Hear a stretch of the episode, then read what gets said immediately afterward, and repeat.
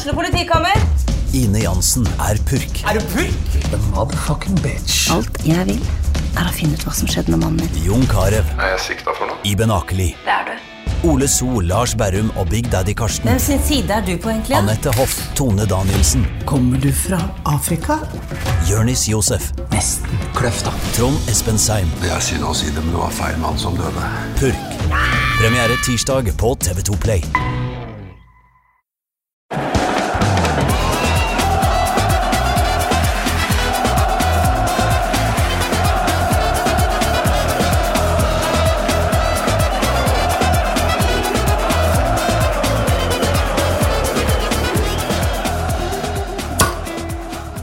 Yes. Ja, vi ønsker eh, velkommen til dette innslaget, som det sannsynligvis blir. En slags sammensending mellom Twitter Halbside og selveste Pyro Pivo-pod. For Morten Galaasen er på besøk. Ja, ellers er du på besøk, Runar Skrøvseth.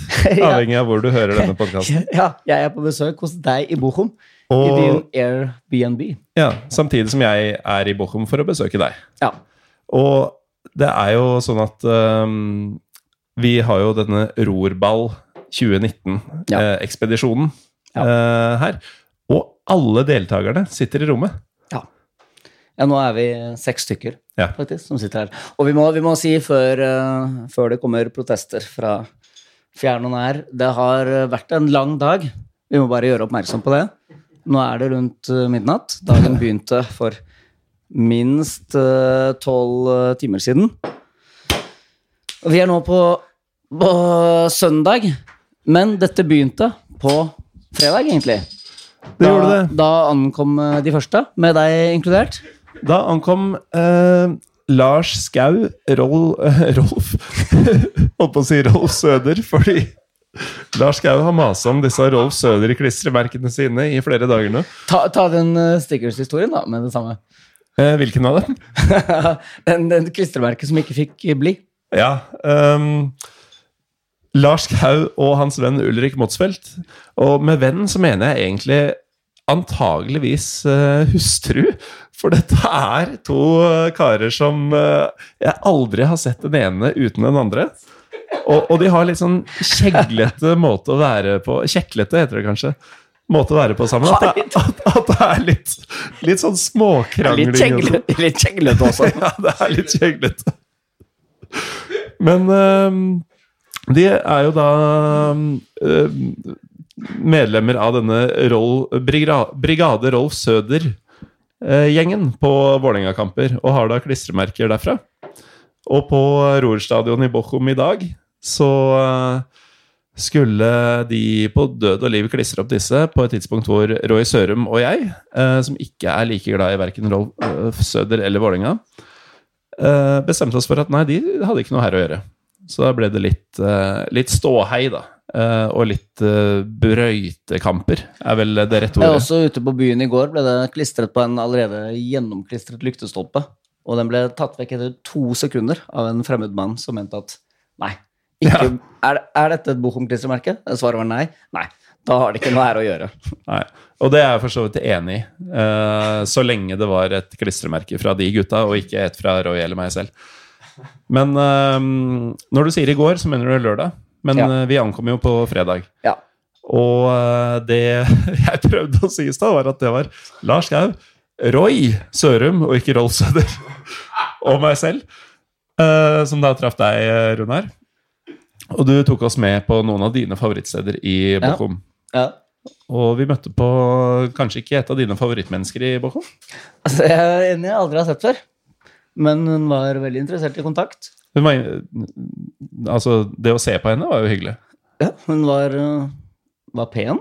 Og så begynte hun å snakke med oss. Virket først veldig normal, men øh, så, så var hun men, da, men i det øyeblikket vi sa, for å konversere litt, at ja, i morgen skal vi til Gelsenkirchen, vi har tenkt til å se på Schalke, da ble det skrudd på en bryter.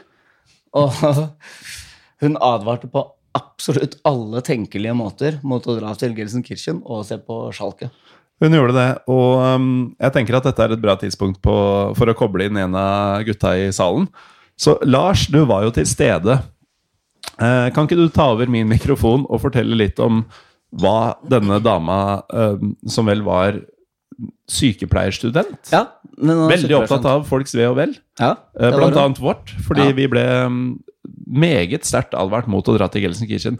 Lars Skau, hva sa hun om Gelsenkirchen-folk? Jo, takk, Morten. Eh, Jeg opplevde dette på første, første hånd. Eh, Hun sa at alle fra Gelsenkirchen, eller som på et eller annet tidspunkt befinner seg i Gelsenkirchen, er nazister. Så hun hadde et uh, anstrengt forhold til Gelsenkirchen, uh, vil jeg si. Hva tror du, Rune? Ja, vi prøvde å, til og med å dryppe inn et par nyanser og være litt sånn rund i kantene. Men det var, det var Ja, bare, det var bare sånn- hjørner å møte. Den, Fleiper uh, litt eh, bort og liksom Nei, flytte ikke. samtalen Mm. videre. For hun Ja. ga sånn 15 minutters forelesning om hvor nazi det er i Ja, ja, Gelsenkirchen. ja, ja. Uh, jeg prøvde da egentlig å bare liksom få det vekk for en siste gang ved å si sånn at det, hvis vi overlever turen til Gelsenkirchen, så kan vi jo se det her i morgen kveld, da, sa jeg. ja. Og da sa hun Da, ja, da fuck off and die. Fuck off and die, sa hun, Det- og det snudde hun seg da. og gikk. Så ja. Det var suksess. ja. Men vi dro til Gelsenkirchen likevel, vi. Vi gjorde Det Ganske fint. Og det er en, eh, altså, eh, for de som ikke har vært der, så er den Feldens Arena og Schalke er veldig, det er en veldig ny stadion. Ble bygget til VM i Tyskland 2006. Må bare skyte inn før vi kommer Ja. til selve stadion, at uh, av å høre på Dritte Halbseit, Ja. og delvis av å høre på Eivind Biskår Sunde være gjest i min egen podkast, Ja. så hadde jeg, og antagelig flere i rommet her, og jeg ser anerkjennende nikk, um, et inntrykk av at vi skulle til sånn helvetes forgård. At uh, det skulle være en getto på linje med ting vi ikke har i Norge. Jeg ble skuffa, altså. Gelsenkirchen var overraskende eh, ja, fint, egentlig. Ut fra hva jeg Mm. forventa. ja, det er en dristig påstand, syns jeg. Men Ja, og, og det mener tydeligvis Josh T. Placido, som sitter og rister på huet her. Når jeg sier overraskende fint, eh, Josh, så er det fordi um, Eivind og Drita Halbseit hadde fått det til å virke som et forferdelig sted å være. Og jeg syns det var helt ok. Ja, takk, Morten. Um, når du beskriver Gelsenkirchen som et um, ikke fint sted, men ikke så dårlig sitt heller, så syns jeg at det er et um, Det er en um, undervurdering av uh, Gelsenkirchen. Um, Overvurdering. overvurdering, ja. Mm. Sorry, overvurdering. At um, ja, Gelsenkirchen er jo kjent i tysk vold, i hvert fall, at, uh, at det er en av de well, styggeste byer i hele Tyskland. Ikke bare pga. utseelsen, men også at um, um, den, uh, det forholdet som uh, folk fra byen i Geisenkirchen og folk fra Ruhrgebiet har til Geisenkirchen, er at den er ganske stygg. Så nå, at du ble skuffa at det ikke var så dårlig som du uh, trodde in the first place, så det overrasker meg ganske mye, faktisk. Så, og, jo, ja, og for de som ikke har vært her, så er jo Feltins Arena er veldig, er veldig flashy og moderne og ny. Og så ligger den sånn langt ute i ødemarka. Sånn som typisk sånne moderne stadioner ligger langt utenfor byen. Altså litt sånn usjarmerende. Og det var, vi hadde jo mange alternativer da, på lørdag. For eksempel var det Mm. avslutningen også siste runde i Regionalliga Vest. Vatnscheid kunne vi sagt. Vatnscheid bydel i Bochum som uh, da til slutt reddet plassen gjennom å vinne siste kamp. Vi hadde vært toppoppgjør. Victoria Köln spilte hjemme i Köln. De rykket opp ved å vinne.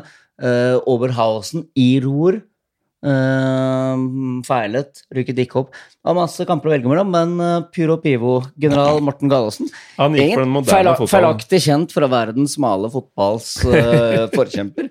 Han ville på død og liv se Bundesliga, den helt fullstendig ubetydelige Bundesliga-kampen Schalke-Stuttgart, på noen uh, dyre plassseter. Så da gjorde vi det. Jeg bøyde meg, jeg, etter, for, for flertallet. Så ja. Ja. Men, men da var det viktig for meg, Da var det viktig for meg siden, siden uh, vi må ha litt fotballkultur også, ikke bare, bare denne flashy stadion. Derfor var det viktig for meg at vi først fikk snust inn litt Schalke-kultur. For det er jo det, det som er spesielt med, med Schalke. Det er en liten by, egentlig. Gelsenkirchen er har, Hvor mange innbyggere har de? 200 000, snaut det. Og de har 100 000 medlemmer. Det er 60 000 på alle jævla hjemmekamper, uansett tabellsituasjon. Mm. Og med uansett denne. hvordan de spiller, uansett hva. Ja. Det, det er så stort. Jeg, jeg, tror, Mm.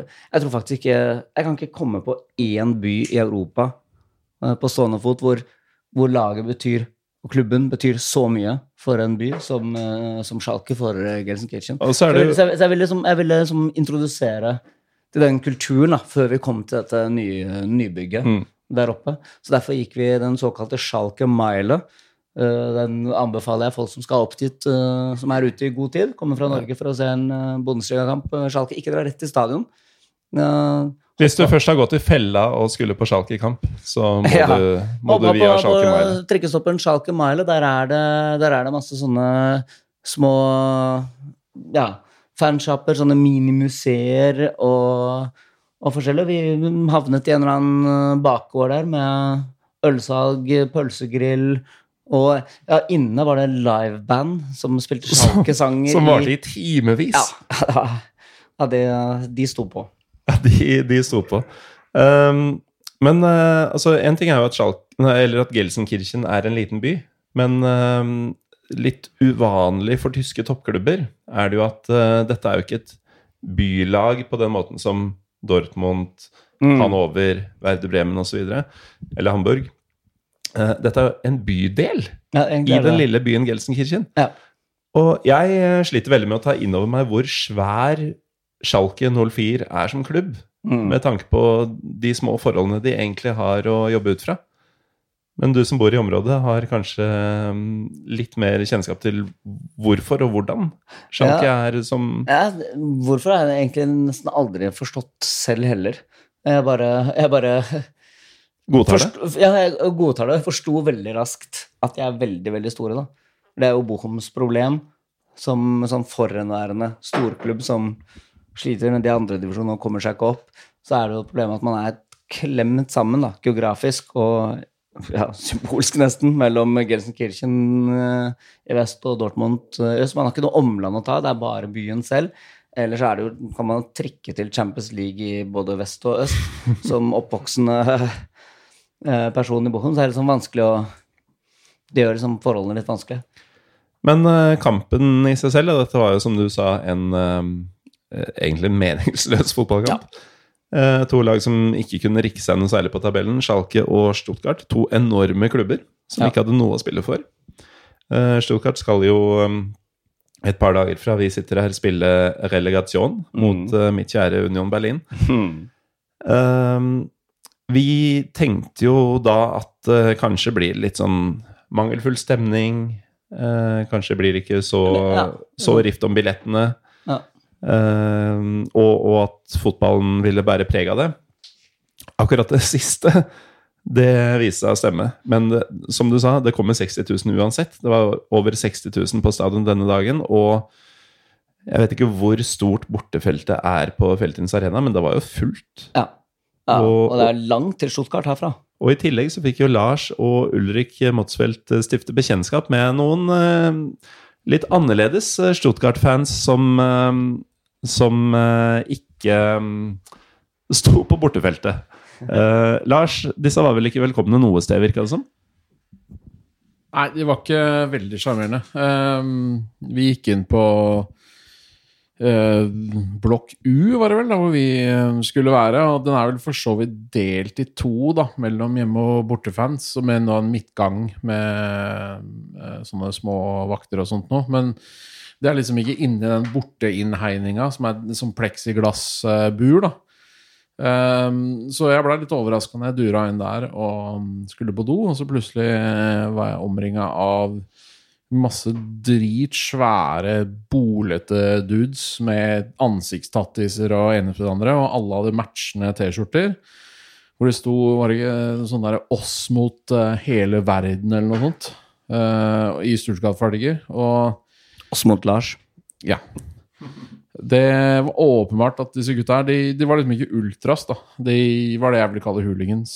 Um, og det så jo også etterpå i Merten, altså de deltok jo ikke på noe synging eller noen ting. Det var bare De bare sto og med arma i kors og hadde det der litt sånn ugne blikket eh, som gjør at alle andre bare har lyst til å se en annen vei, egentlig. Og, og før kampstart så kom altså vi, vi, vi var delt i to, vår gjeng, på stadion. Vi satt, eh, vi satt nærmere Nordkurve, som er Schalkes hjemme, hjemmesving, mens dere da to satt rett ved, ved Stuttgart-fansen. Men, mm. men det, det, og da vi fikk vi ble, melding om like før kampstart at politiet hadde sånn stormet deres blokk. Hva er det som skjedde der? Eh, altså, vi sto jo, Ulrik, og så skulle veksle inn sånne teit arena-kort. Og da var det masse løping på utsida. Hva er det du så egentlig? Du så det først. Nei, altså det som skjedde var jo at uh, det kom uh, masse politifolk uh, løpende på, og brøyta ned mannen foran meg i køa, og løp av gårde retning nordover, altså den retninga hvor, hvor dere var, da. Samtidig som det på utsida av øh, Fordi Schalke sin stadion har jo en sånn fin ring rundt som man kan gå på for å komme inn på riktig eh, blokk. Så man kan gå inn på vest og, og ha billett på øst, typisk. Eh, det som skjer, er jo det at det er masse unge, unge menn, eh, typisk sivilkledde unge menn med aggressivt ansikt, som eh, kommer løpende. Det var ikke oss. Nei, det var eh, åpenbart ikke dere, men det var um, Det var våre venner i uh, Vil jeg tippe, i, i, i, en form for Schalke hooligans-miljø. Som kom løpende, og politiet prøvde å låse dørene og, og, og da posisjonere seg for en knipetangsmanøver ut. Uh, og brukte da hyppig pepperspray. Så det, mm. og det fascinerende her er jo at alle som sto i køa for å veksle penger eller kredittkort inn i sånn stadionkort, sto jo i ro i køa si uh, mens dette skjedde, og begynte å Etter hvert som peppersprayen eh, begynte å sige inn fra utsida og merke, mens de bak disken fortsatte som altså Las Vegas cashiers eh, sittende under et bankran. ikke sant? Bare helt rolig fortsette med dealing. og ja, noen dør på utsida, det går greit. Det er ikke min business. Eh, politiet fikk god kontroll, løp rundt med kamera og litt skjold og køller og hei og hoi. Pepperspray. Um, disse unge, unge mennene som Lars nevnte, ble jo da sporenstreks jaga nærmest mulig tribunen. Mm. Mens de sinte unge mennene som var sivilkledde, ble jaget en annen vei. Uh, og det var vel stort sett uh, den, den moroa vi fikk, men Ja. det var jo litt sånn uh, stemning når vi kom inn òg, for det kom jo seilende ullglass, altså type plastullglass, fra bortetribunen over til, til vår side. Og de var veldig bra. Det skal Stuttgart ha. Altså. De, var, for, for det, de hadde jo ikke noe mer de, de kunne ikke komme oppover på tabellen, de kunne ikke komme nedover på tabellen. For dem er det, var det allerede klart. De skal spille nedrykkskvaliken. Og de kommer da med 5000 mann eller noe sånt fra Stuttgart. Lager utrolig bra stemning. Men derfra vi satt, så fikk vi ikke med oss noen ting av dette politigreiene. Vi så det bare på meldingene fra dem. Det vi så, var Schalkes Nordkurve som hadde, Hadde en en- stang med en ananas på, som de hadde sprayet i gull. For det er jo dette tyske uttrykket som jeg snakket om i en eller annen tidligere episode. Tidligere episode. En, eh, den gylne ananas betyr i Tyskland Der ble det åpnet en eh, figerflaske. Figer. Eh, Den, den, den gylne ananas er kampen om ingenting. Ingenting. Når det ikke betyr noen ting, så er det kampen om den gylne ananas.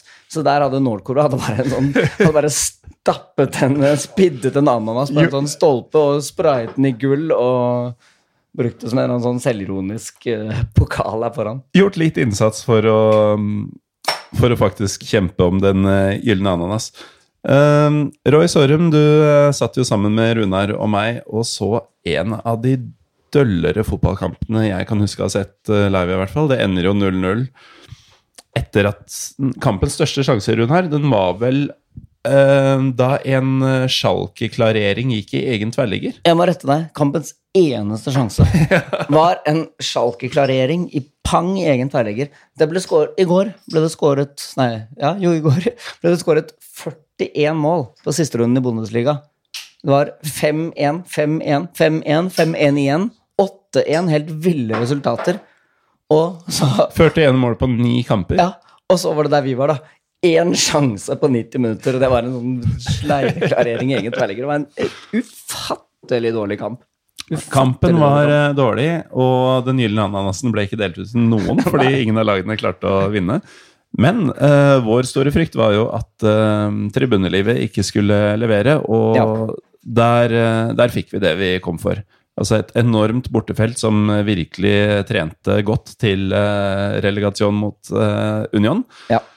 Uh, men Roy uh, Sørum, det vi kanskje la mest merke til, det inntraff jo da det kom Det ble annonsert at Bayern München hadde tatt ledelsen over Frankfurt, og følgelig ville holde Dortmund fra ligagullet.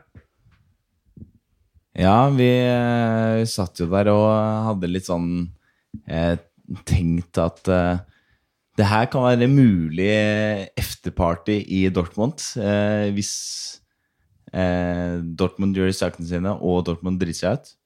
Bayern driter seg ut, ja. Ja, Bayern driter seg ut. Men eh, vi satt der og håpa på det aller, aller beste scenario for vår egen del.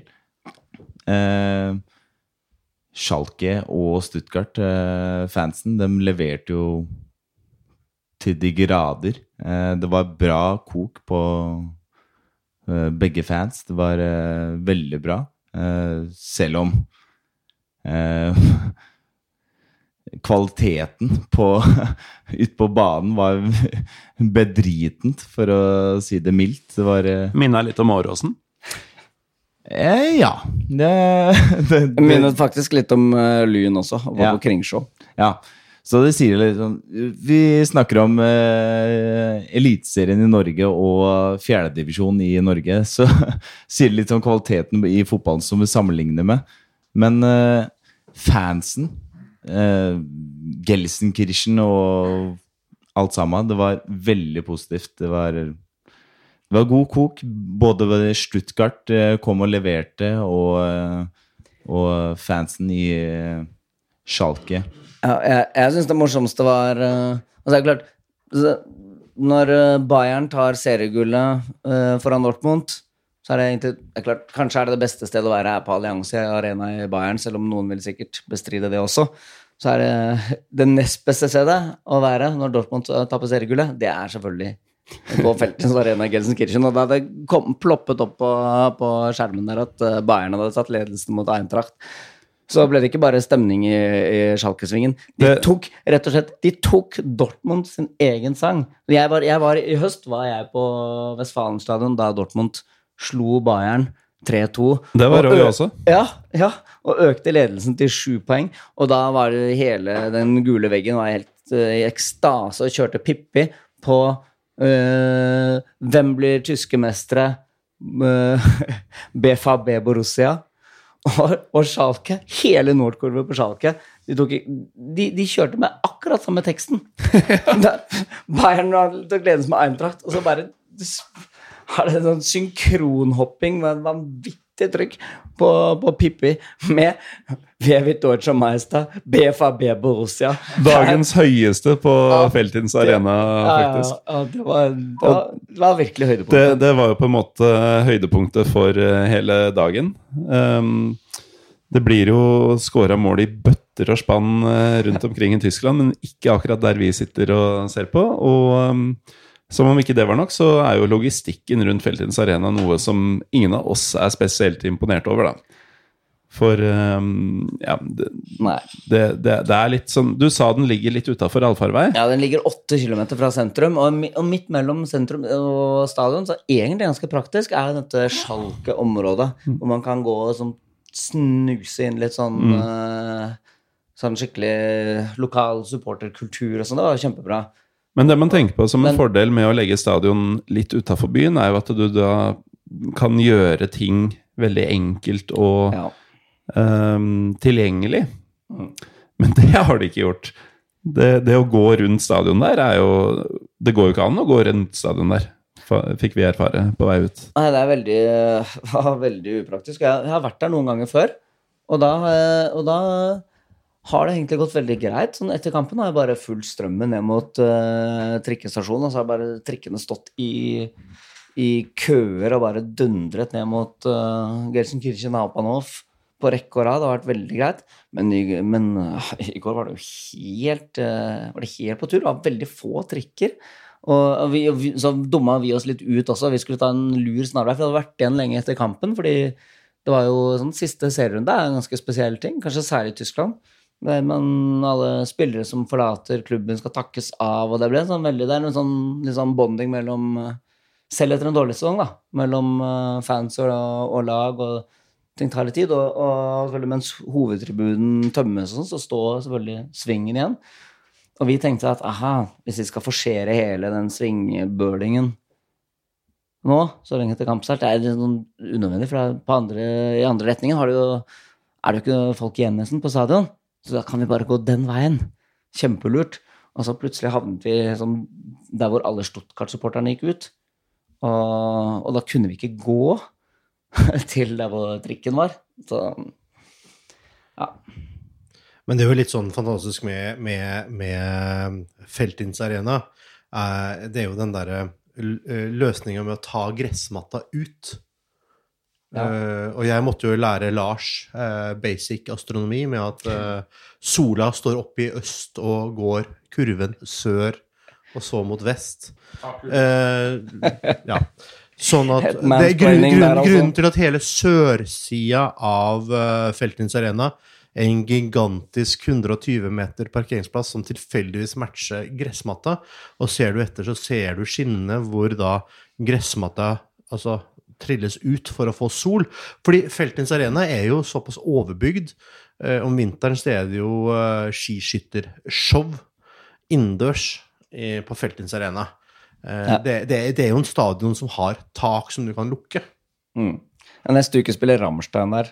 Ja. Det sier jo det meste. Og De, de, de spiller ikke på Roer stadion. Eh, stakkars, stakkars mennesker som skal til den, eh, den konserten. Asbjørn. Slettemark. Ja, for eksempel, som må stå i 14 timer i, eh, i, i trikkekø. Eh, og kanskje vår venn, fordi jeg og Lars endte jo med en trikk der eh, Julian skulle spleises med en pike. Eh, piken var ikke Hva var det Lars sa for noe? Du sa at hun var Hun lignet på noe Pondus kunne tegnet med tanke på burugle.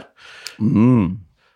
Og Julian ble oppfordret til å sitte ved siden av halve eh, trikketuren eh, med, med stadig mer intensitet gjennom hele trikken. Eh, og så satte Julian seg ned med, med denne kvinnen og så litt bekymret ut. Det var vel da vi gikk av for å komme oss ut fra, fra det showet. Eh, men, men det sier veldig mye om, om dette her. Uh, I stad så ble det nevnt uh, hvor omfattende sjalket er, og, og, og bare se på bussene nede på den uh, tail, tailgating hvor vi fant vår suspekte billettmann som Roy hadde ordnet med. Tailgating-opplegget med busser fra Belgia, fra Luxembourg, Hvor mange kan det ha vært, da? Hundrevis Ja, ja. av altså, Enormt. Vi snakker minimum eh, et, et 50-60-70-talls busser, kanskje 100-talls busser, med dertil mennesker som sto og drakk, koste seg, danset, Grilla. grilla, tailgating, American style. Og så til slutt kom vi oss vekk fra Gelsen Kitchen, hvis man kan si det sånn. Endelig, sier, eh, sier George. Eh, bifaller det. Tok vi, tok vi den langsomme safaritrikken som går eh, Som da stiger i demografien fra Gelsenkirchen via Wattenscheid og da til, til Bochum. Og da var vi endelig tilbake igjen i Bochum etter en lang dag i Gelsenkirchen. En helt ufattelig svak fotballkamp, men en veldig bra kampopplevelse, egentlig. Og da var vi i Bochum, og hva gjør man da? Da går man i Bermuda Dreieck. Bermuda Dreieck, Bermudatriangelet. Hva er Bermudatriangelet? Da må Josh eh, svare, som er herfra. Her må Josh inn, men uh, skal vi kanskje for de som er unge eller uh, ikke spesielt beleste av lytterne, forklare hva Bermudatriangelet er sånn i, i verdenshistorien? Ja, det må du gjøre, som er så kunnskapsrik. Ja, jeg, jeg er jo egentlig ikke det. Men uh, øya Bermuda i, i nærheten av, om ikke i, Karibien eh, der er det et område i havet rundt hvor det har blitt borte en del skip og fly opp gjennom historien. Og det har vært litt uh, Det har vært en del teorier knytta til dette, hvor, hvorvidt det er noen krefter som vi ikke helt forstår. Sånn, Som- de kreftene er de finner man også her, nemlig. Ikke sant? Så Sånn jeg tolker navnet Bermuda Dreieck her, er at uh, du drar ut og kommer kanskje ikke tilbake igjen, og ingen vet hvor du er. Nettopp. Men uh, Josh, du er jo født uh, og oppvokst, holdt jeg på å si, i hvert fall noe av dette, i, i uh, Bochum. Hva er Bermuda Dreieck? Ja, Bermuda Dreieck. Um, hvorfor det heter Bermuda Dreieck, det er jeg faktisk ikke så klar over. Hvorfor dette navnet ble valgt. Men Bermuda Dreieck, hvis du skal um, se på Bermuda Dreieck um, der, så er det tre gater. Ho, altså, uh, de største gatene i Bochum uh, som former en uh, slags ja, en, en trekant, en, en dreieck, som det heter på tysk. Og disse tre gatene omfatter en av de eh, største områdene i jeg tror faktisk hele Tyskland, eh, som har en, et svært høy andel av eh, både puber, uh, ute, altså sånn nattlivsuteklubber og eh, barer. Og disse tre gatene er em, De er em, mer eller mindre i hoved eh, midt, midt i byen i Bochum. Og de tre byene eh, de, tre, de tre gatene de heter vel um, Det er Victoria Strasse, som er en av hovedgatene som fører ut av eh, sentrum, uh, Bochum sentrum. Og så har du Broderstrasse og um, uh, Kortumstrasse, som er som alle er hovedgater som fører inn og ut av Bochum på sin egen måte. Den eh, ene gaten den er, um, en, den er kjent for å være en stor um, gate med, med å ha mange butikker. Og den fører til uh, Kortumstrasse. Og det er der barene og uh, pubene begynner. Og gjennom de siste 20-30 år så har det vært en utvikling med at dette området, som kalles for Bermudareik, har blitt en av de største um, bar slash ut, uh, utestedsområder i hele Bochum. Ja, i hele Ruhrgebiet. Det, det er veldig mange som bor i andre Ruhrgebietsbyer, som når de skal gå ut. Ruhrgebiet er da Rorområdet? Rorområdet, ja. Altså Dortmund, Essen, Recklinghausen, Gelsenkirchen, Bochum, Duisburg. Og veldig mange som bor i andre rorbyer, drar til Bochum for å gå ut i, i Ruhrgebiet. Og det kan man jo ikke klandre dem for, all den tid flere av oss kom fra Norge for å dra ut i eh, Bermuda Dreieck i, i Bochum. Eh, og apropos Bochum, eh, hovedmatchen for Rorball 2019 den foregikk jo i dag. Når vi sitter her nå på søndag kveld. For, for alt dette begynte jo egentlig med Berlinball, som oppsto på Twitter. ja. Berlinball 20, hva ble det, 2018. hvor, eh, hvor mange av oss møttes for første gang. og da var det Union Det var du som begynte egentlig å fable på Twitter om å se Union Bochum uh, på vårparten i fjor. Det det starta vel egentlig med at eh, jeg satt og, som jeg ofte gjør, uh, tweeta underveis i en eh, eh, ganske tilfeldig Union-kamp i oktober 17. Men Ja. så sklei det fullstendig ut, og endte opp med at vi var vel en vet ikke, tolv stykker eller noe sånt, som, eh, som endte opp i Berlin eh, i mai samme sesong. Og, eh, og så en eh, haug med fotballkamper, annet da Union mot VfL Bochum. Eh, dette var jo en så stor suksess at vi bestemte oss for at dette må vi gjøre igjen, men kanskje et annet sted. Og vi bestemte oss da for at det skulle bli revansjeoppgjør. Ja. Og så ville tilfeldighetene det sånn at uh, dette revansjeoppgjøret det ble lagt til siste serierunde, så vi måtte vente lenge. Og det ble da 17. mai-helgen. Ja. Så da Man må, måtte kom ofre mye for å være på ja, Rorball Så dere 2019. 17. mai-flyktninger kom da hit isteden. Uh, ulempen selvfølgelig med at det er siste serierunde, er jo i tillegg til at eh, det for mange er ingenting å spille for, så er det også at eh, kampene ikke er spredt. Sånn Her er det så mye fotball, så mange fotballsteder på så tett område. Men her spilles jo alle kamper samtidig selvfølgelig på siste runde, så Mm. derfor så vi ikke fotball på fredag, f.eks.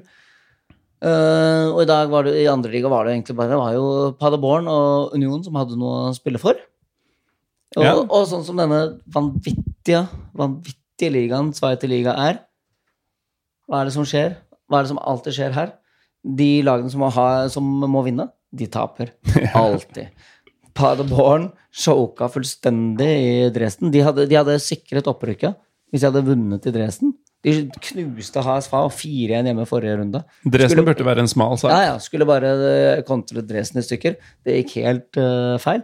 Og dermed var, var alt åpent for Union, som da skulle bare slå Bochum på 11.-plass med 17-åring i midtforsvar og alt. Og hva skjedde? Union, da, som er mitt og Roy Sørums eh, favorittlag i Tyskland. Um, med tanke på at um, at Paderborn faktisk taper i Dresden mot Dynamo Dresden, som jo er en av eh, Unions få ordentlige rivaler. Ja. Uh, trent av tidligere Union-trener Ove Neuhaus, antagelig den eneste mannen i Dresden som ønska at Dynamo skulle vinne den kampen. Uh, de gjør jo jobben sin, noe som betyr, som du sier, at uh, Union bare trenger å vinne. Og Roy og jeg, vi hadde jo sett for oss at et sånt scenario kunne skje. Ingen av oss trodde på det. Men dersom at det viser om at det, så måtte jo vi storme banen. Og um, for, for å storme banen så er det jo greit å være en del av den gjengen som skal storme banen. Og det var vi jo ikke, fordi takket være deg, Runar, og takket være Josh, som er um, medlemmer av, uh, av Bochum, så hadde vi fått billetter til kampen, som jo var pri 1. Ja, for det var det store, den store greia var at, uh, var at billettene selvfølgelig, ja, Union fikk 5000 bortebilletter, som er mer enn uh, en vanlig. Men de var det selvfølgelig utrolig vanskelig å, å få tak i. Men eh, problemet var at de andre billettene de ble ikke, Det var ingen billetter på hele Rorstadion som ble lagt ut for åpent salg. Eh, vi syntes det var veldig rar uh, greie av, av klubben. Så her har man mulighet til å bare selge ut stadion kjempelett og tjene litt ekstra penger for å kjøpe inn en uh, ny spiss til sommeren. Men det var, som vi har hørt i dag, var at det var politiet som påla klubben å ikke åpne billettsalget. Så det var bare klubbmedlemmer og, sesongkortholdere som fikk kjøpe billetter. Det var likevel 25 000 eh, som kom inn, men det, men det begrenset jo mulighetene for dere som så gjerne ville vært en del av unionen. eh, publiken. Så dere da sto da på Åskorve og hjemmesvingen med, med oss. Ja, og um, vi visste jo at vi hadde billetter til akkurat Ostkurve, som jo er da det stående, syngende supporterfeltet til uh, Bochum. Det ene stedet på stadion hvor du på ingen måte kan uh, gi inntrykk av å holde med bortelaget. Og uh, Roy, vi, vi uh, prøvde jo de fleste muligheter som var for å få billett annet sted. Um, vi hørte litt rundt på Er det Ritterburg det Ritterborg, ja. En veldig bortevennlig eh, masse, hvor vi hang på formiddagen. Masse Union-fans der. Vi, vi hørte litt rundt om noen hadde en billett eller to til overs på en annen tribune. Det hadde de ikke. Og så, Roy, eh, gikk vi Når vi først var i nærheten av stadion, som er, eh, det må man si, Runar, om Rorstadion, mye mer sånn hva skal vi si, logistikkvennlig enn Feltins Arena, f.eks. Mm. Det er eh, ikke lange veien fra, fra øst til vest, f.eks. Så Roy, vi, vi tok en liten svipptur innom eh, Vestkurve, eller utsiden av Vestkurve, for å se om vi kunne få tak i noen billetter. Hva, hva, hvor nærme kom vi? Jo, eh, som du sier, vi eh, venta jo på at eh, diverse folk i eh, vennegjengen skulle bli ferdig med å pisse. Og Som tok evig tid. Fordi ja, ja, var den ene ferdig, så skulle den andre gå. Så vi, vi bestemte oss for å gå videre, da, for å sjekke mulighetene for å få eh, tak ikke billetter til eh, borteseksjonen. Eh, sto der og stirra litt sånn diverse på folk og bare lurte på om her, vi er åpne for å kjøpe billetter. Eh, Vi brukte blikket ganske godt. vi brukte blikket ganske greit, ja. Eh, eh, når eh, han ene kom opp til oss, da, så var det liksom sånn Ja, har, er dere interessert i billetter? Han spurte om Vi har eh, Selvfølgelig så har han alltid de beste setene eh, som han kan selge. Eh, tenkte jeg sånn Vi er bare kun interessert i borteseksjonen og ståtribune. Det er derfor vi er her. Eh, selvfølgelig så hadde han kun sittebilletter, og det var det. Og vi informerer da at eh, vi, er, vi har allerede billetter, men vi har lyst til å stå med Union Berlin. Og da var det liksom sånn Nei, vi har de beste billettene innafor radius som nærmer seg Union Berlin, men ja, det var ikke, var ikke så det var, det var ikke så lett for å få tak i de billettene, for å si det sånn. Nei, det, det, det var jo ikke mulig, så vi endte jo opp med å stå sammen med resten av rorballfølget. Eh, hvorav både Josh og deg, Runar, er faktisk svorne Bochum-fans. Eh, og visste at vi måtte holde oss litt i skinnet. Og Men, det, men nå var det jo dessverre også sånn at Union Berlin holdt seg veldig i skinnet. ja, de De spilte ikke fotball. Altså, de, de spiller rett og slett Altså, de spiller for å rykke opp. De var helt, det var helt, men det var helt tydelig at det var, det var ikke noe problem med, ikke noe med innstillingen eller innsatsen, eller sånt, men var helt, de var bare helt lamslått av anledningen. Union Berlin har aldri vært i Bundesliga. I dag har de sjansen. Og det var helt, det var helt sinnssykt dårlig. Vi hadde, vi hadde spesielt én situasjon foran oss der etter Jeg tror det har gått 20 minutter, hvor han hvor den ene unionsspilleren skal ta et innkast og klarer ikke å kaste Ken Reichel. Ja, ja, Ken Reichel ja, var helt ute.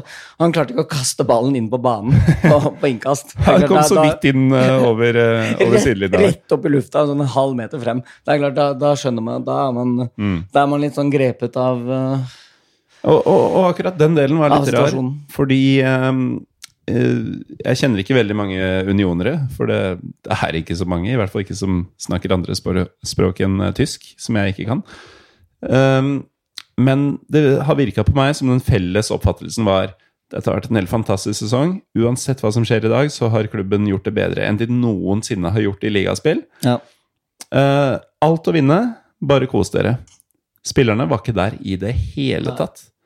Og, og for AFL, vi var litt sånn, snakket om det litt på forhånd. Vi var, jeg var litt sånn betenkt også med tanke på ja, laget.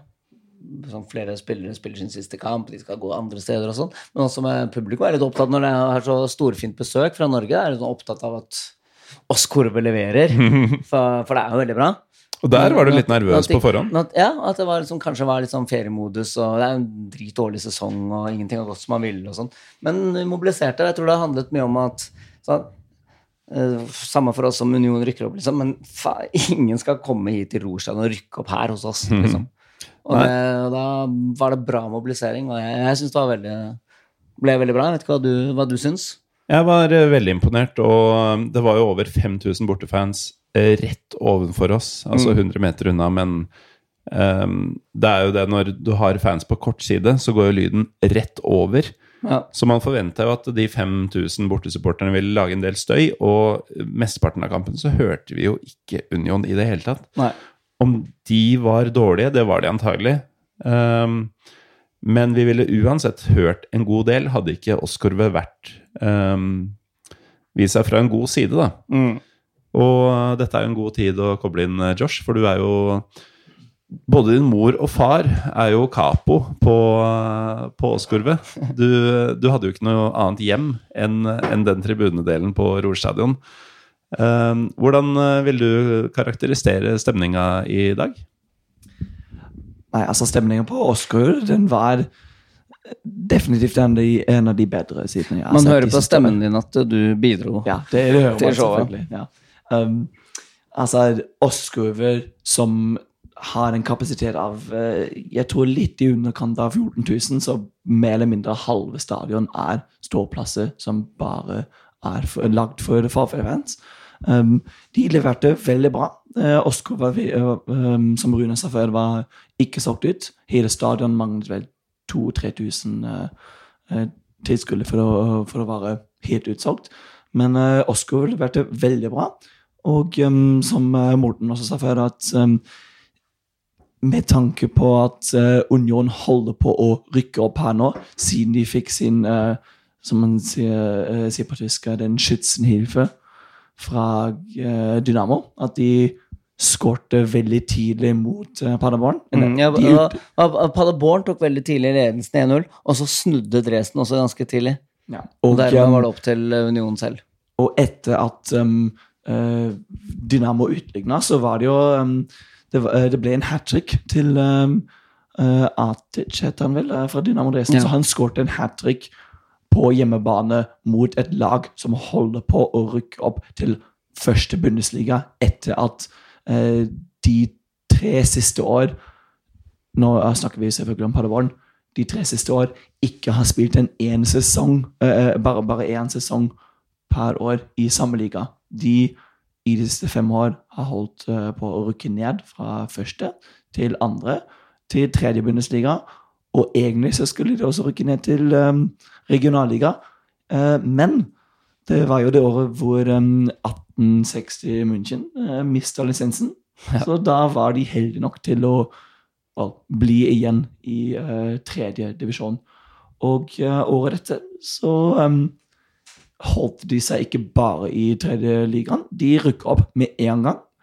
Og uh, så har de nå spilt en Jeg veit ikke om det kanskje tar feil her, men de har spilt en av de beste rykkrundene uh, rykkrunde til alle lag som har spilt i andre Bundesliga noensinne. De ligger helt på topp på rykkrundetabellen Ja. uh, og har plutselig kommet seg opp fra det fra et lag som egentlig bare skulle La oss si ende opp på ja. Spille om den gulle ananas, som Rune sa før. Ja. Spille om eh, niende- og åttendeplassen. Plutselig, i de siste fire uker, har vunnet eh, hver eneste kamp. Ja. Men, eh, men ja, de sviktet, men det gjorde ingenting, fordi det gjorde Union òg. Og det, var, det gikk til pause da, på, på 1-0 til Fafel. Fullt fortjent. Det var vi tror jeg, ganske enige om. Eh, og da tenkte jeg i hvert fall ok, nå går Union i, eh, i garderoben. Ok, De har vært nervøse. Fire-fem spillere av elleve var helt ute av overtenning på en eller annen rar måte. Men ok, de går inn i garderoben, får beskjed om ok, Dresden gjør jobben for oss. Nå handler det bare om oss. Så mm, Kanskje justerer man litt taktisk. Man eh, får liksom tatt litt vann i trynet og kommet ut igjen. Nå er, nå er, nå er vi på. Jeg, jeg forventet en helt annen kamp i, andre omgang. Og hva er det som skjer etter pause? da? Har ikke, Union har ikke hatt ballen Har ikke rørt de har ballen. ikke rørt ballen før de får ballen inne på egen femmeter. Gir bort ballen på egen femmeter, og så drar ned eh, Drar ned eh, fa- eh, Ja, hintet ser jeg på sånn 20 cm fra Ja. kortlinja. Helt, er Etter, helt, etter å ha hatt sånn 16-17 muligheter til å bare klarere den ballen til helvete vekk Helt derfra. hjerneblødning. Straffe til Favell. Eh, Lukas Interskjær, toppskåreren, gjør sin siste kamp for Favell. Han går sannsynligvis til Hamburg. Eh, Men vil ikke ta straffen fordi, Fordi han ble felt. Fordi han blir felt, og det er jo den gamle gylne regelen som han da vil følge. Den gylne ananasregelen. Okay, ja, ikke sant? Eh, Ok, Han vil gjerne score i siste kamp, men nei, jeg ble felt, og den som felles, skal ikke ta straffen. selvfølgelig. Så det fikk Gambola gjøre. Han uh, kliner den gjøre og da er det 2-0. Og da er det jo Da er det slutt. Da er det slutt. Og da var det plutselig lett å være meg og Roy og late som ingenting. Fordi nå spilte det ingen rolle lenger hva som skjedde noe sted. Ja. Så nå var det ikke noen fare for å oute seg. Men den samme Ganvola, eh, med gult kort, ute ved cornerflagget, så bare drar han opp en albue, treffer en motstander motstandernese. Da, det får man nytt gult kort for. Sånn er, sånn er reglene. Og blir utvist. Og da, da var det plutselig 10 mot 11, og Union har ikke, klarte ikke noe da heller. De var helt, helt ute. Men så er det Det var Kain Reichel, var det ikke det? Som bare drar Nei, til det var eh, Grisha Prømel. Det var det! Prømmel Grisha was für ein Tor. Det, var, det er noe av det villeste jeg har sett. Det var eh, på tjue- tjue- ja, 25 meter fra mål. Bare kliner til. Kryss inn. Og ja, da er det 2-1, og da endrer alt seg. Jeg veit ikke om uh, mikrofonene fanger opp dette, men i fall de gjør det, så må vi bare nå um, forklare at uh, Lars har gått på do uten å lukke døra.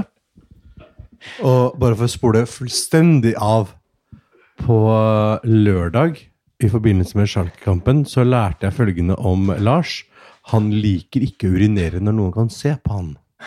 Så vi måtte løpe rundt og finne et buskas hvor han kunne diskré pisse. Det fant vi dog ikke, så det var litt av grunnen til at han måtte på do når han fant disse, disse Stuttgart-supporterne eh, med mye tatoveringer. Det var bra vi ikke har med kamera nå, da. Men eh, ja, så ble, ble, ble det 2-1. Men da, og da endret det seg. Da var, spilte Union 11 mot 10, fikk en slags uh, merk, merkelig tro.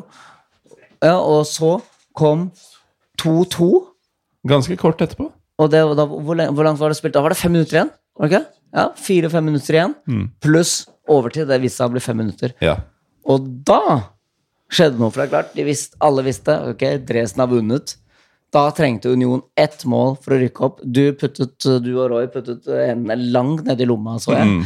og begynte å Knytta neven ned i lomma. Begynte sånn. å svette. Og Skeis Union bare drønnet fra, fra øst. Og dere sang litt sånn spakt med, for høflighets skyld. Og så eh, Men så er det egentlig Dere får egentlig bare én mulighet, men den er svær. Og hvem er det som, Det eh, er- som eh, spolerer opprykket? Selveste Soleiman Abdullahi, som eh, norske lyttere sikkert kjenner til. Han eh, får en eh, ganske sånn blank sjanse fra en sju-åtte meter, litt skrått. Skyter i hva skal vi si, albuen til keeperen deres. Jeg tror han tar den med albuen og så spretter den ned i bakken og ut. Ja. Ja. Helt enorm sjanse. Hadde hele målet å sikte på fra en Foran 5000 unionister Ja, ja, som venter på historiens første opprykk. Ja. Å, herregud, som det hadde eksplodert bak der hvis den hadde gått inn. Jeg tror det hadde satt, eh, sagt pang i begge ender. Altså. Det hadde faktisk jeg, fordi selv med henda gått ned i lomma, så hadde verken Roy eller jeg klart å holde oss hvis den hadde gått inn. Det, det hadde blitt for mye. Heldigvis, på mange måter, så, så ble det ikke sånn. Kampen ebber ut med 2-2, og Union skal ut i relegasjon mot uh, Stuttgart. Ja. Ja, hva, hva, hva tror vi om det, egentlig? For nå er det jo vi, vi, vi, så på lørdag et eh, Stuttgart-lag vi syntes var så dårlig at det, det, Ja, vi har fått sett begge lagene. Men så så vi egentlig et enda dårligere Union- Union-lag i hvert fall 80 minutter. Ja, et. Union-lag som eh, åpenbart ikke har psyken for de, de anledningene som kommer. Eh, I hvert fall ikke, skal man tro, førsteomgangen og eh, egentlig alt som skjer fram til Ja. utvisninga. Det er klart, når man, øh, når man ikke klarer å kaste ballen inn på banen fra, innkast, så Da skal det godt gjøres da må man gjøre ganske solid mentaljobb før torsdag. Ja, når du da skal møte verdensmester eh, Pavard og um, en som burde vært mange ganger verdensmester, Mario Gomez. Han har vært med i kvalik før, han. Ja, det, det, det blir knallhardt for eh, Union, selvfølgelig. Han, Ja. øh, han vant jo kvaliken med Det var med Wolfsburg mot uh, Var det ikke mot uh, Braunschweig? Det kan godt være. Ja. Altså, Hvor- jeg, hvor, jeg hvor, hvor, husker hvor det, var, ikke det var så fine bilder, nemlig for da, det, da han, han har blitt så hånet i bortekampen. Og så, og så skårte han avgjorde kvaliken. Og så er det så fine klipp fra, fra bussen, fra lagbussen på vei hjem etter kvaliken. Og da er det Marius Go Mario Gomez som er forsanger, hoppende forsanger midt i bussen. Mhm. Mario Gomez is en horenson. ja, veldig bra. Han, eh, jeg tror ikke han er så veldig redd for å spille kvalik. Han er klar for eh, den kvaliken. Og det er klart, å ha en sånn fyr i troppen foran en sånn kamp Ja. um, gir jo selvfølgelig Stuttgart en massiv fordel. Ja. Der Union har Suleiman Abdullahi og, og Joshua Mes. Og Ken Reichel som ikke, blåser Ken Reichel som ikke kan hive en ball når uh, anledninga blir litt stor. Uh, nei, så det, det blir jo selvfølgelig knallhardt. Og, og jeg kan ikke huske sist um, andre Bundesliga-laget vant denne kampen. Av 2010. Og hvem var det? Det var, eh, det var da Fortuna vant, var det ikke? Jeg er faktisk ikke så sikker som eh, hvem som vant. eh, hvilket lag som vant uh, rykker opp fra relegasjon. Men i de snart tolv år Jeg tror i år er det tolvte utgaven av eh, den, um, denne relegasjonen som har blitt gjennomført igjen. Og de første to år var de eneste gangene hvor an, laget fra andre Bundesliga rykket opp til førsteliga. Og siden det det var det mitt kjære farfar Borum uh, i 2011, som var det første lag som, um, som ikke klarte um, å rykke opp. Det var. Marco Royce som avgjorde for Gladbach på overtid. Det var i 2011. Det var um, Farfar. Var, var du der? Jeg var der på begge kampene, ja. Ja. Det var um, Bochum spilte først uh, i Gladbach, og det var Nå snakker vi om uh, Borussia Mönchengladbach i 2011, altså langt før det laget som noen av uh, lyttere har sett i Champions League mot uh, Manchester City uh, osv. Det var et, et Borussia Mönchengladbach-lag som i mange, mange år har spilt mot nedrykket, egentlig. Og eh, da eh, Det er vel det tredje sesongen etter denne relegasjonen ble eh, gjennomført. Og da spilte Bochum på eh, Borussia Park først. Og så skårte eh, Gladbach etter overtiden var ferdig, eh, og vant eh, denne kampen med en eh, 1-0. Og eh, noen dager senere så ble kampen eh, spilt i Borum, og da um, skårte, som du sa, Runa, eh, Marco Reus og Borum utligna til 1-1, men, men selvfølgelig pga. den bortemannsregelen så gikk Gladbach videre. Og, etter, og de holdt seg i første Bundesliga. Og etter det året, da, i 2011, så begynte de um, ja, denne seiersløpen. At de kjempet seg fra et uh, ja, relegasjons- uh, slash playoff-lag opp fram til uh, et uh, Champions League-lag Mm. i løpet av tre-fire år. Og det som, eh, som gjør det litt sånn vanskelig for Union, da, er jo at uh, man tenker jo gjerne foran en sånn kamp at uh, motstanderen har hatt en sesong med bare negative opplevelser omtrent. Ja. De har jo hatt en kjempesesong. Den beste i uh, klubbens historie, faktisk, ligamessig. Mm. Aldri vært nærmere toppnivået enn en de er nå. Um, uavhengig av Ja. De har aldri vært topp tre da, i andre Bundesliga, og aldri vært i Bundesliga, åpenbart. Men som eh, Josh sier, det er jo ikke sånn at eh, den psyken som man tenker kanskje kan være en fordel for andre laget, ja. eh, kicker inn i noen særlig grad. Nei, ikke i dag i hvert fall. Nei. Nei, og I hvert fall ikke hos et lag som ikke klarer å kaste en ball så fort det kommer litt press på dem. Og positivt press i dette tilfellet. Ja. Så det, det jeg holdt på å si det blir spennende å se, men det blir kanskje ikke så veldig spennende. Jeg tror Stuttgart tar dette ganske greit. Men eh, det har vært eh, gøy så lenge det varte. Og det Mm. kan vi kanskje si om denne, dette innslaget også, som vi var ikke helt sikre på om det skulle bli en bonusepisode eller, eh, eller et innslag i podkasten da vi sta starta. Du har sjekka et par ganger nå på tiden. Ja, jeg ser Og- at eh, klokka går fort. Ja, Det lukter bonus. Men heldigvis vet jeg at vi har noen ganske, ganske tålmodige lyttere.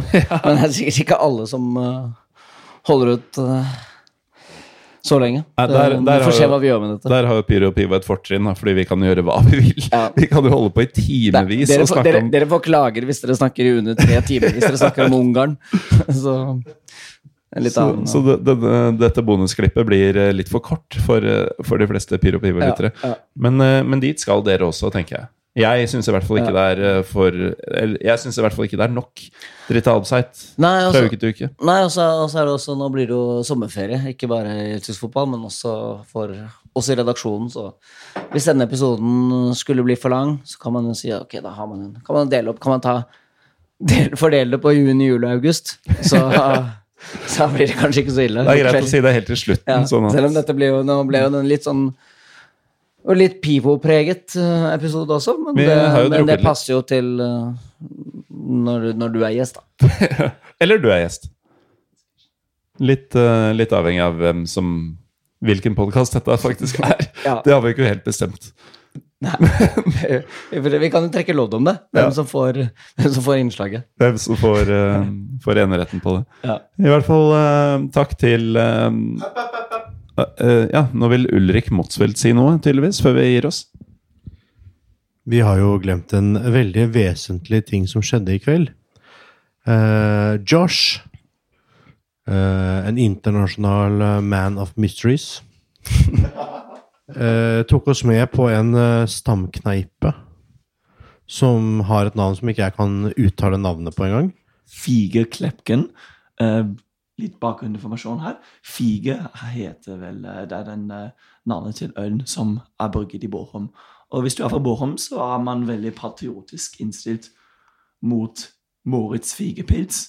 Ja, det er, det er, det er byens eh, fremste identitetsmarkør nest etter Fafell og Bohom. Ja, det er eh, definitivt det.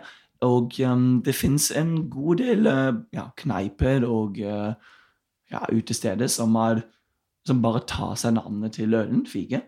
Og uh, ja, kaller seg for Fige Stamhaus, f.eks., eller Fige Klepken. Det er der vi dro til i kveld. Det er min uh, stamkneipe. Hva heter vertinnen der? Conny. Hun var litt eh, Hun hadde litt sånn derre Berliner eh, Schnauze goes rur. Altså hun, ja, hun var litt eh, streng til å begynne med, men, hun, men så kom hun plutselig med et helt fat av, eh, av sprit som hun hun ville spandere, så det, hun myket opp litt. Hun løsna opp, sånn. Hun eh, kom med Mexicana, som enhver eh, god St. Pauli-supporter kjenner fra slitne puber. Det er altså god gammeldags eh, sprit, gjerne teknisk eller tequila, blanda med, med, med Hva heter det nå? Eh, Fins det en god St. Pauli-supporter? Stort sett så er vi gode på bunn. Ett sted. I barndommen. Men uansett så, så altså det, er jo, det er jo tomatjus, eller sånn type Bloody Mary-mix blanda med teknisk sprit. Eh, gjerne servert på halvannen liters Coca-Cola-flaske. Den som ikke får vann i munnen nå. Ja, altså, har ikke hørt etter. Mexicana er Det er ikke en uh, Borma-spesialitet, men uh, den er ganske I, i Rogebiet i hvert fall, så er det, eh, det er en ganske kjent eh, drikke som du får ofte får, akkurat som vi gjorde. Uh, fikk eh, gratis eh, fra hun verten Conny på Fikerklubben. Fordi vi, well, vi var jo over seks-sju stykker. og ja, vi fikk til og med smuglet inn to union, veldig hyggelige union-mennesker. Som, eh, som eh, ikke egentlig i den rett... Ja, nå mente jeg ikke Roy og Morten, men de, de så hyggelige, de andre. Så hyggelige, ja, ja, som eh, ja, ja, som, eh, som egentlig ikke fikk komme inn, men Josh gikk, valgte å gå god for dem på litt sånn mage, magefølelse. Og dermed slapp de inn. Da var det veldig fin stemning også. Såkalt magenfyl. Men eh, Som det heter på Romerike. Men uh, altså, nå, nå har vi sagt Fige og Moritz Fige flere ganger. Men eh, det var jo ikke det du eh, kalte det da du skulle gjøre en bestilling til Conny på, på dette Fige-kneipestedet, Ulrik. Nei, altså når jeg snakker tysk, så høres det veldig fort ut som jeg er utlending. Eh, altså ikke, ikke, ikke tyskspråklig, da, for å si det mildt. Det helte veldig retning fransk, syns jeg. Kanskje det var det Conny oppfatta, så hun på spøk eh, instruerte meg med å si at denne ølen ikke lenger het uh, Morris Fige fi, fi, Jeg klarer ikke å uttale det. Fige. Men, men, Fige. Men uh, at det Maurice Fige. Så deretter så ble det jo um, kun bestilling på type nok en runde med Maurice Fige. Noe som ble stor komikk, da, selvsagt, fordi de, de innfødte som satt i baren, ja, fant det hysterisk morsomt. Og ikke bare dem, men uh, vi lagde jo også noen uh, litt sånn kjente tribunesanger som ble til Maurice Figet i stedet for hva nå Vi møtte til og med applaus for den. Ja, det, det, det Jeg spredte seg. jeg tror hele lokalet applauderte. Eh, Hele, hele stamkneipa til Josh. Maurice Fije, sha-la-la-la-la-la, sha-la-la-la-la-la, Maurice Fije. Da tenker jeg vi gir oss, eh, Runar. Skal vi gjøre det? Vi, vi har vel oppsummert rorball ja. forhåpentligvis godt. I hvert Ja. fall eh, så godt vi kunne i vår nåværende situasjon. Ja, altså etter, etter forholdene har vi levert bra, synes jeg. Så da, da takker jeg for Ja, jeg takker for, mm, for besøket. Ønsker god tur hjem. Og så var vi Vi hadde en avstemning i stad, også på dette Figer Klepken, over, en, over denne Over noen figer. krydrede tequila-tomatjuicen. Så, så, stem, så stemte vi over, over neste prosjekt. Nå har vi hatt, ja, eh, Berlinball 2018, Rorball 2019. Og da endte vi med Vi, vi valgte fire alternativer for avstemning. Egentlig ville vi jo poste det på Twitter, men så ble vi veldig utålmodige. Så tok vi det rundt bordet isteden. Og så stoler vi ikke på følgerne våre. Nei, ikke helt. Og da var det Schwaben, Uh, altså Freiburg, Stuttgart og omegn. Uh, nord, Bayern og øst. Og da vant, etter omtelling mellom øst og Bayern, så ble det Bayern. Så Bayern Ball 2020, og det er ikke noe hemmelig, hemmelig losjeklubb, det. Det er åpent for alle. Alle Ja. som har lyst til å være med, kan bare slenge seg på. Ja.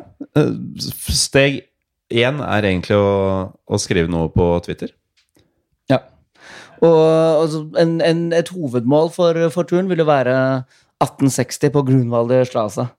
Jeg, har sett, jeg, har vært på, jeg har vært og sett 1860 på Allianz Arena, men Allianz Arena er jo Ja, er utrolig kjedelig. Jeg Men- kjenner noen som var på 1860 på Grønvalder bare for en ukes tid siden, ja. og, og de var helt frelst. Og dette er sånn er typisk Real. Madrid-fans Ja.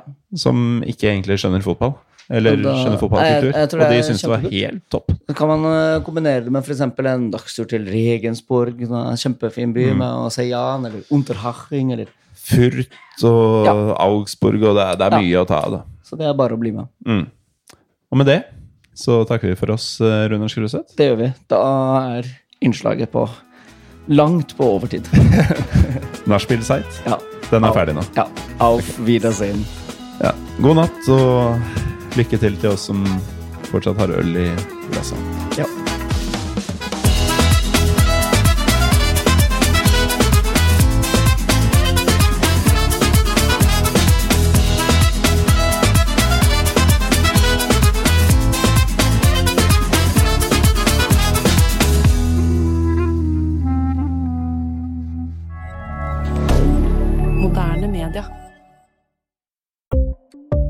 Ukens annonsør er HelloFresh.